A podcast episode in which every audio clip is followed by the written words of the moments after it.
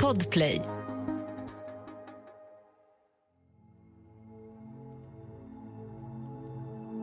Hej!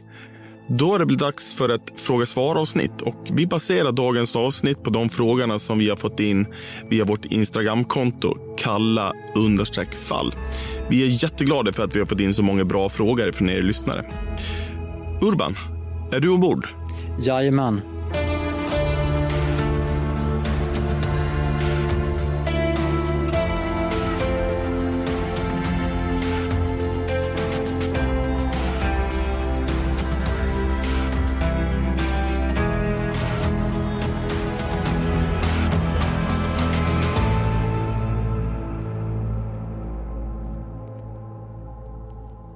Jag tänker att vi går direkt på saken och eh, avhandlar det som hände i förra avsnittet. eh, Där vi tar upp eh, den här travtränaren Absolut. som har alibi för mordnatten och alltså inte är aktuell för att ha vara skyldig till det här mordet. Och frågan är då varför väljer vi ändå att ta upp han när han inte är misstänkt? Det där har ju blivit en snackis. Alltså. Vi har ju hört att det har ju varit, eh, dragits i långbänk där på diverse olika travforum och sådana saker. Och varför väljer vi då att ta upp det här spåret med travtränaren?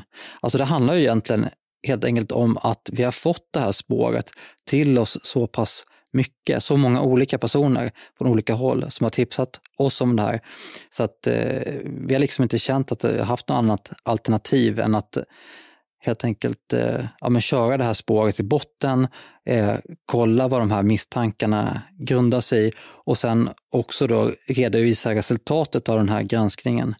Eh, för att eh, ja, alltså det är ju så pass många personer på Gotland som har haft de här misstankarna. Och det är ju, är ju folk även efter efter att vi, vi publicerat det här tredje avsnittet som hört av sig och velat veta hur pass liksom, starkt det här alibit är, är och så vidare. Så att eh, egentligen att, bara helt avfärda det här rakt av utan att liksom, ja, förklara vad de här misstankarna och så vidare grundar sig i. Eh, vi kände inte riktigt att det var aktuellt alltså, utan vi, vi vill ju verkligen ja, redovisa hela historien helt enkelt. Mm. Eh, och de som, har, de som vi har pratat med som, eh, som har jobbat på hotellet, det här har ju varit det de har trott. Eh, så Ja. det har väl absolut känts högst relevant, eh, eller högst relevant att ta, ta upp det. Eh, såklart. Deras, det som de har trott och se, se vad det har eh, kunnat lett till. Precis, och inte bara där utan även från andra håll också. Alltså. Så att, eh, Ja, så att det är ju väldigt, en väldigt eh, vida utbredd föreställning på Gotland att han skulle ha med det här att göra. Eh, Så att jag tycker det känns ganska bra att vi har kunnat ja, gå till botten med det och kunna fastställa att han av allt att döma inte har med det att göra.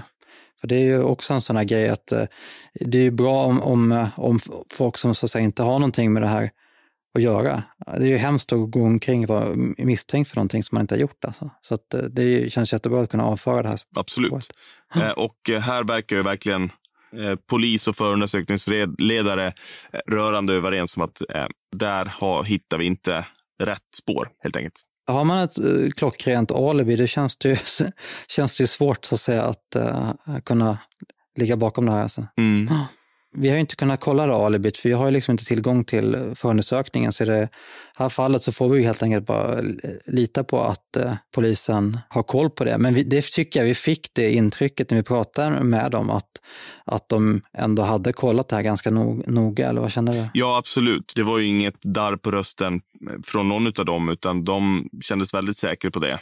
Särskilt BC, han visste ju om att eh, travtränaren hade varit aktuellt i det här och eh, ja, han var ju väl medveten om de här misstankarna men sa ju då att, att eh, det fanns ett alibi som gjorde att han inte då kunde gå upp. Polisen går ju aldrig ut och säger liksom, ja men den och den har alibi och sådana saker utan det behövs ju att några eh, som vi då helt enkelt granskar det Mm. och eh, kan fastställa att så var fallet. Ja, precis. Eh, men ja, så är det med det i alla fall. Mm. I avsnitt ett, så om vi backar bandet lite grann, så säger polisen, BC Larsson, att det här inte var ett vanligt mord. Eh, och frågan är då hur, hur många mord har det varit eh, på Gotland eh, här, i, här eh, under 1900-talet. Och vad är det som gör att det här då är ett ovanligt mord? Vad menar han? Det har ju varit ett, ett antal mord under 1900-talet och de har väl liksom ökat i frekvens också ju, ju längre in på 1900-talet man har gått. Det var ju ganska få mord där, särskilt eh, sådär runt 40-50-talet. Det var ju det här Selma Timgren-fallet som jag pratat om i, under säsong ett lite grann och sådär. Mm. Och eh, de flesta morden och sådär, de hölls ju mer inom en, liksom en snävare krets då, alltså eh, inom familjen och liknande. Eh, så det är väl det han menar med, med det här med att det inte är ett vanligt mord, utan just att det, att det var ett mord sådär med helt okänd gärningsman, då, eller ja, gärningsperson. Mm. Mm. Ett annat mord som sticker ut eh, eh, på det här sättet är ju i så fall då eh, mordet som var under Almedalsveckan. Det tillhör väl också de ovanliga morden på det sättet att det inte är någonting som händer i nära relation, utan det är en, ett offer och en gärningsman som... Du tänker på det i, nu i somras? Ja, precis. Så det, det, är ju helt klart mord som, som stickar ut och inte tillhör något, något vanligt mord helt enkelt. Och sen eh, Sjögrenfallet, det faller utanför alla de här ramarna också alltså? Ja, absolut. Det får man väl säga. Det, har man inte lyssnat på säsong ett så får man ju göra det, för det är ju någon så här mer Agatha Christie-hållet alltså, med eh, en jäkla massa turer. Utan, nej, men de flesta mord på Gotland på den här tiden, det var, det var mer eh, liksom familjetragedier och liksom, eller någon eh, vansinnesdåd liksom, inom familjen och sådana saker. Alltså. Mm. Jo, men precis. Vad visste vi om hotellmordet eh, innan vi drog igång? Vad visste du? Jag visste inte sådär jättemycket alltså faktiskt. Eh, man har ju läst de här olika uppdateringarna som har kommit någon gång per år, med lite grann, lite grann jämna mellanrum sådär, om eh, att utredningen går framåt eller att det inte händer så mycket eller att nu har vi något nytt spår och sådär. Men annars så, så alltså man känner ju till liksom den här grundläggande premissen, alltså att hon hittades mördad där i den här korridoren och eh, eh, ihjälslagen med en bultsax och eh, att en eller fler personer hade tagit sig från platsen i någon bil typ det var, var, var det som jag känner till om det här. Vet vi så mycket mer nu egentligen? ja, vi har ju en hel del olika eh, spår och fått en ökad eh, vad ska man säga, förståelse för många av de här olika komponenterna. Men egentligen så är det ju det är ungefär vad vi vet fortfarande, mm. men på ett väldigt mycket högre detaljnivå kan man säga. Alltså som du säger, det här med bultsaxen, absolut, och den här bilen eh, har man ju känt till också. Men det som jag framförallt har fått en ökad kunskap kring, det är antalet inbrott på Gotland eh, eller i Visby under den här eh, perioden är ju så ja. oerhört mycket större än vad jag kunde ha trott. Eh, och bara den saken att man samtidigt, samma natt, be, alltså att begås ytterligare ett inbrott ungefär på samma sätt, bara några hundra meter därifrån. Oh. Det, det är ju helt nytt, eh, måste jag säga. Eh, det har jag inte varit medveten om, att det, att det var på det sättet. Och också intressant att man, man verkar ha utrett de här inbrotten mer seriöst än vad man kanske gör idag. De akterna och de utredningarna som jag har gått igenom, de är ju, de är ju välgjorda och det är ju, alltså de är, polisen har verkligen jobbat hårt med med alla de här inbrotten. Ja, det är ju många som är på flera, flera hundra sidor alltså, ja. med eh, ordentliga brottsplatsundersökningar och allt möjligt. Alltså. Ja, precis. Eh, och det leder oss in lite grann på, eh, på nästa fråga. Vart började vår eh, research och hur har vi gått tillväga? Och det är ju precis det att det handlar väldigt mycket om att läsa sig till kunskap, alltså eh, vilka liknande brott har begåtts i närtid på, på den här platsen. Och eh, vi har helt enkelt hämtat ut de akterna som, som finns på, på Gotlands tingsrätt och eh, se om vi har kunnat hitta någon slags eh, modus operandi. Researchen vi gjorde var egentligen bara att ta fram allt som har skrivits om det här i media eh, under årens lopp. Alltså. Och, för det, det gav ju mycket ledtrådar och sådär. Till exempel det här med eh, den här 19-åringen. Där kunde vi utläsa från, från tidningen att, eh, att han hade blivit eh, förhörd i det här hotellmordsärendet, men att man då hade liksom man hade inte hittat någonting som kunde knyta honom till hotellmordet, men han har hittat massa annat mm. smått och gott. Och då kunde vi i sin tur liksom hitta den här eh, akten också, tack vare det. Då. Och där hade vi den här speciella, eh, speciella lappen som han har inlåst i skåpet där. Det döda talar inte. Precis, och den här uh, utklippta massmördaren också.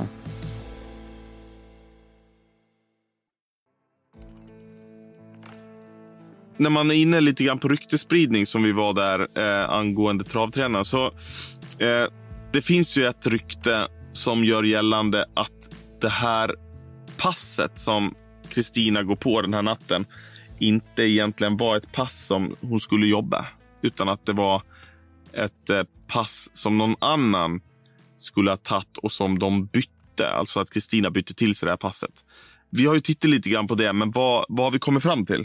Ja, vi, har ju, vi har ju kollat på det och eh, vi har fått det tipset från flera olika håll faktiskt. Eh, men vad vi har kunnat komma fram till så, så ligger det ingen sanning i, i det. Alltså. Men, men däremot så är det ju så att hon eh, har, eh, innan, innan det här skedde då, eh, snackat om att hon eh, gärna skulle vilja eh, byta pass och inte jobba natt och sådana saker. Men det var aldrig något som liksom blev av på det sättet.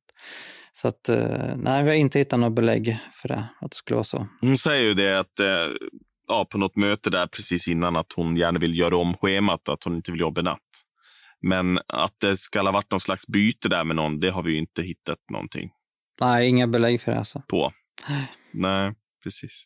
Polisen, de, de började ju eh, söka i en ganska så snäv krets eh, bland kända våldsverkare på Gotland, helt enkelt. Mm. Och eh, hur pass mycket folk finns det på Gotland på, eh, på vintern? Och som dessutom skulle kunna vara aktuell eh, för att ha det här våldskapitalet? Nej, jag vet inte om vi har något bra svar på hur, hur många det är som... Det blir ju ganska hypotetisk fråga. Alltså. Men man kan väl säga Ja, alltså som max skulle jag kunna tänka mig något, något hundratal personer på ön. Alltså. Och varför har man då inte toppsett allihopa eh, sådär? Det, eh, ja, man skulle säga att precis när det här kom så var man väl inte jättehaj på det här med DNA heller. Nej, precis. Så det eh. har väl inte, och sen har man inte haft något DNA att jämföra med heller. Utan där kommer vi återkomma till också längre, längre fram i serien. Just för man har ju de facto eh, toppsatt för DNA de senaste åren, har man gjort. Och då kommer vi gå in på mm. just eh, vad det är för DNA. Och, eh, eh, men man har ju toppsatt någonting i stil med 200 pers. Alltså. Precis, men då, då, då, räknar man ju, då räknar man ju in poliser som har varit på plats och eh, anställda på hotellet och sådär. Jo, precis. Exakt. Så det har inte varit 200, 200 pers som har varit aktuella för någon slags uteslutning som, för att de är mördare? Liksom. Nej, nej, nej så det är nog uppemot hälften alltså som har blivit så kallat uteslutningstopsare eh, ja. på grund av eh, att de har jobbat där och sådana saker. Vi har, flera av dem jag har pratat med som har jobbat på hotellet har ju blivit topsare. Ja, just det. Ja. Eh, Leif GW eh, säger ju det att eh, du måste ha mycket god lokalkännedom, punkt. Eh, för att kunna hitta på det här hotellet. Och här, här är vi ju lite, eh, lite oense, eh, vad jag har förstått, kring vad, hur vi ställer oss till det. Ja, du, du tycker ju inte att man behöver ha någon lokalkännedom överhuvudtaget. Nej, det tycker jag nog inte. Jag tycker att det känns som en naturlig väg att ta om du kommer in i, eh, i rum 112. Att du helt enkelt, det är en väg som, som du tar för att hitta om du försöker ta dig ut så, hade, så är det helt rimligt att gå den vägen. Men du får ju tänka på att du har ju liksom läst om det här och kollat på de här kartorna och så vidare. Ja. Jag tänker att om man bara hamnar helt, helt slumpmässigt alltså. Sen vet vi ju inte heller exakt vad det är som eh, polisen och sådär vet. För de, de verkar ju så himla övertygade om att eh, man måste ha haft väldigt bra lokalkännedom och sådana saker. Och de har inte helt och hållet gått ut med vad man har för spår och sådär nere från de här regionerna. Men de verkar väldigt övertygade om att man har gått rakt på alltså. Mm. Och eh, jag tänker väl att eh, ja, har man ingen som helst eh, lokalkännedom och sådär så är det väl, ja. Om man, eh, om man går några hundra meter bort till, till Strandhotell så är det ett inbrott där eh, vid ungefär samma tid. Och där tar ju eh, ja, inbrottstjuvarna, de tar god tid på sig. Eh, det, den de- hotell, det hotellet är under ombyggnad och där har man ju sprungit runt också i hela hotellet. Jo, men det, det jag tänker på det är alltså att de, de, är så, de har ju så pass mycket is i magen att de skickar in en kille som är där 45 minuter innan det att han börjar släppa in eh, resten av rövarna. Jo, men det hotellet är ju stängt. Ja, men det jag menar är att de tar, de tar, eh, de tar god tid på sig. De, eh, det, det, det kan mycket mer, eh, väl vara så att det är stängt, men de är inte speciellt nervösa, om man säger så. Då. Nej, nej, nej. Det, man kan ju tänka sig att de som har gått in på Visby hotell också tänkt att det har varit stängt på grund av renovering. Om man nu ser Ja. de här eh, liksom, för fönstren. Och att man nog tänkt sig att, jaha, men här, nu det, håller man på att renovera här, då, då är det kanske det är liksom igenbommat här, bra tillfälle att ta sig in och se om man hittar något. Ja, och sen det är ju inte, alltså det är mitt i natten också, så det är ju inte mycket liv och rörelse i de där korridorerna där de tassar omkring där. Utan Nej. alltså, det kan ju vara så helt enkelt att de bara gått precis rätt på det. Mm. eh, och inte tagit en enda, ett enda felsteg där inne. Men eh, eh, det tror jag inte är så eftersom man då säger att det är så pass mycket åverkan där inne att det inte kan vara gjort av en person. Då måste det ändå, då måste jag ändå ha varit där under en tid. Men det var ju ingenting de sa från första början, så att den här, jag tror inte att det är så, så pass mycket åverkan att man direkt liksom Uppenbarligen, uppenbarligen var det inte så mycket så att man direkt insåg att det behövde vara fler än en eh, Nej, person. precis. Sen eh, om vi ska eh, prata om det här med eh, eh, en insider då, att det måste vara, du måste ha någon lokalkännedom och så vidare. Eh, men om det är en insider, då borde man veta hur pass mycket pengar det finns en chans att ta där inne. Och det verkar ju som att det finns väldigt lite pengar på hotellet. Skulle Det- en insider gör, ta chansen eller ta den här risken? Det är väl mycket vad man lägger liksom i begreppet insider. Mm. Eh, alltså, ofta när man säger insider, då menar man en person som har liksom eh, kännedom om någonting och gör ett brott baserat på det. Eh, och det är väl väldigt mycket i det här fallet som talar för att det inte är så, skulle jag säga. Särskilt då när, man, när det kommer fram då att det här, de här historierna om att det skulle funnits några båtpengar och sådana saker. Det liksom fanns ingen anledning att, att misstänka att det skulle funnits några sådana pengar där och särskilt inte några, som, några pengar som man kunde komma åt då med den utrustningen och så vidare som man verkar haft. Eh, utan det var man kanske mer skulle kunna vara inne på är väl att någon som har någon slags lokalkännedom har varit här. Eh, sen att den personen nödvändigtvis måste ha jobbat på hotellet, det ställer väl jag mig också ganska så tveksam till ju mer vi har kikat på det här, skulle jag säga. Eh, jag tänker nog att man kan ha fått den här lokalkännedomen, ehm, den lilla lokalkännedom som behövs skulle man kunna ha fått genom att kanske ja, praoat där en vecka eller vad som helst egentligen. Eller bara känt någon som jobbar där eller bara varit där. Liksom. Ehm, för det är inte så, så avancerad lokalkännedom, eh, bedömer jag. Alltså. Jag tror som sagt inte att du behöver någon lokalkännedom alls, men, men eh, absolut. Men risken, alltså, skulle man, skulle man ta risken att bli påkommen för så lite pengar? Eh, nej men alltså, det beror ju, beror ju på. Alltså. Vi har ju kikat på andra domar och sådär, där folk som har gjort inbrott just på, på för ett arbetsplatser. Och det har ju handlat om liksom inga pengar alls egentligen. Och eh, just om det handlar om en före detta anställd så är väl, eh, så kanske man struntar i om man blir på, påkommen. Eh, Ja. Men det talar ju å andra sidan för det här att hon blir ihjälslagen eh, emot. För att då uppenbarligen så Ja. har ju den personen som har gjort det här inte struntat i att den blev påkommen utan har ju då ja, gått så långt att det blivit mord av det helt enkelt. Fördelar och nackdelar med mordkommissionen. Skulle vi kunna bara reda ut vad det är för någonting? Vad är mordkommissionen? Ja, det är då mm. en, eh, en eh, avdelning av eh, Rikskriminalen som är liksom specialinriktade på att utreda mord och andra grova våldsbrott. Och de är väl liksom inte fast eh, på ett ställe sådär, utan de skickas då ut till olika distrikt efter att distrikten eh, begärt om hjälp då. Eh, oftast efter att helt enkelt ha fått ett svår utrett mordfall på halsen. Så att då åker de ut och liksom assisterar de lokala polisdistrikten med att utreda det här. Och eh, det de kan bidra med då, det är liksom att de är väldigt rutinerade, mycket vana just av att utreda mordfall eh, och eh, även väldigt bra på det här pappersarbetet då, som tydligen är ett av de större hindren när det kommer till det här. Men det finns ju också mycket fördelar med den liksom lokala polisen. Har du någon tanke om vad det skulle kunna vara? Den, den lokala polisen vet ju var man ska börja och vilka, eh, vilka som skulle kunna vara aktuella för att begå eh, ett sånt här brott ifrån början.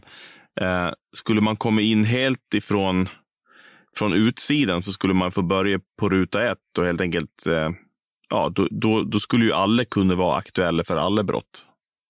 Men eh, de som sitter med lokalkännedom, de vet ju helt enkelt var man ska börja och vilka, vilka man kan utesluta direkt. Ja. Så att eh, den lokala polisen har ju väldigt stor fördel helt enkelt av att de har varit på plats och eh, vet vilka som bor där. Precis i liksom idealfallet så kompletterar de här varandra väldigt bra, liksom, just med eh, lokala polisens eh, magkänsla och eh, eh, mordkommissionens då, ja, mer analytiska, liksom, bara tugga sig igenom enligt ett, ett eh, på förhand upplagt system. Mm. Eh, mördaren lämnar platsen. Eh, här finns det lite olika vägar som är eh, potentiella. Vilken ser du som den mest rimliga vägen? Jag tycker nog ändå att det mest rimliga är den väg som, som man eh, kommer fram till att man tror att det är den här bakvä bakvägen där, eh, ut mot eh, Kilgrand. Ja. Hotellet är ju formad som en, en eh, strykjärn kan man säga. Ja. Typ. Och eh, på ena sidan av strykjärnet, då har man ju Strandgatan, den lite större gatan. Eh, som hotellets huvudentré ligger på. Sen har man ju på, liksom på baksidan av strykjärnet, där har man ju den, den sida där det här rummet, rum 112, ligger. Där gärningspersonen eller personerna eh, med allra största sannolikhet kom in då. Och eh, sen på andra sidan av strykjärnet, det, där har vi ytterligare en lite smalare gränd då, som kallas för kilgränd. Och eh, där kan man, det finns, finns det en bakdörr som man kan komma ut på den gränden. Mm, precis. Och det är väl rimligt, tänker jag, ja. att man går ut den vägen. Eh, gå ut huvudentrén och sådär känns, ja, kan man ju såklart ha gjort. Känns lite risky. Eh, finns ett varuintag också. Men då hade man varit tvungen att gå tillbaka hela vägen genom de här personalutrymmena eh, och eh, skulle man kunna gjort också. Man skulle väl kunna gått ut genom restaurangen också på något sätt. Mm. Men eh, självklart risk i det också. Men eh, just med tanke på att man hittar den där dör, dörren uh, olåst och eh, eh, vi kommer ju ta upp det i nästa avsnitt. Vi har ju varit och kikat på platsen och sådär. Mm. Så kommer jag förklara lite grann hur jag tänker där. Mm. Men skorna har, ju, eh, har vi pratat om eh, tidigare och det är då alltså de här Exofit High. Ett par Reebok-skor eh, som eh, media har vevat i omgångar. Eh, kan vi säga någonting om de här? Hur ser de ut de här skorna? Det finns ju olika bud på det där. Om, eh, eh vissa säger att, eh, eller åklagaren som jag pratade med, hon säger att eh, man inte riktigt vet vilken färg de var. Men eh, Björkander säger att han säger att det var de uppgifter man hade fått från återförsäljaren att de skulle vara svarta. Mm. Och sen i media så står det ju på vissa, i vissa, vissa reportage i media står det ju uttryckligen att de var, svart, var svarta. Och i andra reportage så står det, ja, det är bara, då är det bara en bild på dem alltså. Mm. Och på bilden är de ju svarta. Ja. Eh, Vad vi vet är ju att de Men, finns i mm, eh, de finns i olika färger, men det är ju inte säkert att den storleken fanns till salu eh, i någon annan färg än svart. nej, jag har för mig Björkander säger någonting om att eh, det, just det sulmönstret kanske bara fanns i svart av någon anledning. Ja, just det. Det fanns två olika sulmönster. Va? Ja, Ehm, men det där är ju också sånt som ligger, den informationen finns säkert i utredningen. Ehm, så hade vi fått kika på den så hade vi kunnat ge ett definitivt svar. Men eh, som det är nu så, så får vi väl helt enkelt gå på de jäkligt motstridiga uppgifter som vi har fått. Men, ehm, men jag skulle nog ändå tippa på att det skulle kunna vara så att, eh, att man har eh, så långt det nu har gått att veta, den modell som sålts på Gotland i alla fall, den var svart då. Sen är det ju inte sagt att eh, de här skorna måste ha varit köpta på Gotland. Men Nej, exakt. Det behöver de ju absolut inte varit. Det är många som undrar om eh, fallet Sjögren fortfarande är igång. Eh, och det, det är det väl, om än inte lika aktivt. Vi får se vad som händer med Sjögren. Det är inte så att vi inte vill att det ska lösas också. Nej, Utan precis. Det hade ju varit fantastiskt. Om vi... Eh, vi har ju hållit på med det länge, så vi har ju inte, vi har ju inte lagt ner det. Nej, vi har ju hållit på med det i över tio års tid. Så att, eh, så att eh, vi kommer nog hålla på med det i tio år till. Ja. Om det inte Det finns ju risk för det, eller chans. finns risk för det. Eh, sen har vi eh, 10 000 kronors eh, frågan här. Lever mördaren? Ja du, det... Ja. Jag skulle nog tippa att han gör det. Ja, Eller hon. det, ja, precis. Eller hon. Om det här är så pass oplanerat och dåligt utfört tyder väl kanske på en lite mer orutinerad gärningsman som kanske då Mm. skulle kunna vara lite, ha varit lite yngre. Ja, Ehm, precis. så och just också då, i och med att om det nu är mördarens DNA man har fått tag på, så har ju det uppenbarligen inte dykt upp i någon sån här eh, eh förnyad topsning och så vidare, eh, vilket då skulle kunna tyda på att gärningsmannen är avliden, men skulle också kunna tyda på att eh, den personen då har liksom hållit, hållit sig lite under radarn också, skulle man kunna tänka sig. mm, men det är ju några också som har, några namn och sådär som har swishat förbi som, som är avlidna också. ja, Men min magkänsla säger mig att eh, personen lever. ja, precis. Tror du han lyssnar på, på den här podden i så fall? Eller hon? Jag vet inte. Nej. Publicerar vi löst skvaller? Har det kommit in uh, sådana insinuationer? Ja, det har det. Det har, det har sagts eh, någonting i stil med oj vad folk spekulerar. Eh, och eh, samma person då har då sen skrivit på Instagram att eh, man kanske inte ska publicera löst skvaller.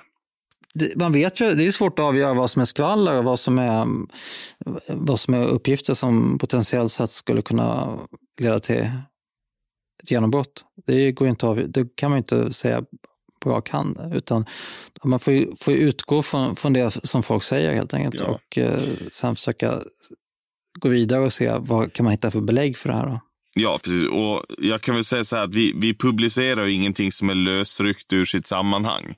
Vi gör ju en, en eh, övervägning av vilka vi ska intervjua och vad vi ska ta med.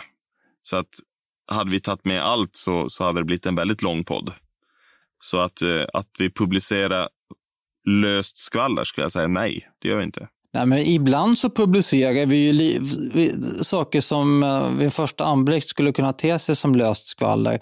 Men vi, vi, i sådana fall så låter vi inte det stå oemotsagt. Så att säga. Eh, eller liksom att, utan då, det, vi har, har ju det som en utgångspunkt och eh, något som man sen går vidare med. Ja, men ligger det någon sanningshalt i det här då kanske? Och då, ja, men då visar det sig, nej men det gör inte det. Då eh, kan vi komma fram till det också. Eh, men det betyder inte att vi inte har med det som så att säga, föranledde att vi kollade upp den här saken från början. Nej, precis. Och den kritiska rösten eh, som har höjts eh, kring det då. Hade vi inte publicerat eh, det här om travtränaren då till exempel, som jag då får anta är, är det då som är, skulle vara löst skvaller, då hade ju folk fortfarande trott det var den skyldige. Så ser jag ändå som att det var väldigt bra att, eh, att det kom fram att så är det inte. Det var ju vår tanke. Ja. Tanke med att uh, följa upp det här spåret och uh, verkligen um, ja, publicera egentligen allt som vi, som vi hade det, inom det spåret. Mm. Just att uh, kunna, kunna visa vad, ja, vad de här ryktena verkar grunda sig i, hur pass mycket vi har gått till botten med det här och att vi har kunnat fastställa att den här personen av allt att döma har alibi. Eh, och då är det kanske ganska många människor på Gotland som kan låta sig nöjas med det och eh, slipper gå runt och tro att eh, den personen är skyldig. Då. Mm. Och då är väl det jäkligt bra, tycker jag. Mm, jo, absolut. Så då, eh, ska vi se. Eh, hur många avsnitt kommer det bli? Det vet vi inte riktigt än. Nej, det är ju beroende på vad vad som kommer att vara nytt i fallet? Just nu så står det klart att eh, sju avsnitt kommer publiceras i under ett streck här då i alla fall. Med utgivning då från och med nu varannan vecka. Så att vi kommer alltså klocka in någonstans på sjunde avsnittet i början av juli. Och därefter så kommer vi ju då publicera fler avsnitt. Eh, vi har redan fått material så att vi kommer göra, kunna göra ett åttonde avsnitt. Men eh, med tanke på ja, de tips och sådär som vi har fått in, fortsätter i samma stil så kommer vi nog kunna få ihop ytterligare ett par avsnitt. Och de avsnitten, de kommer vi publicera eh, antingen under sommaren eller efter sommaren. Mm. Beroende på vad som händer. Skulle det nu vara så att det kommer in något extremt revolutionerande, då kanske vi bara kastar oss på och, eh, och, och kör helt enkelt. Eh, annars, eh, ja, beroende på vad som kommer in, så, så kommer vi släppa helt enkelt. Mm. Bra, men eh, vi, eh, vi kommer höras eh, med ett ordinarie avsnitt nästa vecka. Så på onsdag så, så hörs, vi, hörs vi igen. Tack och hej. Ja, tack så mycket.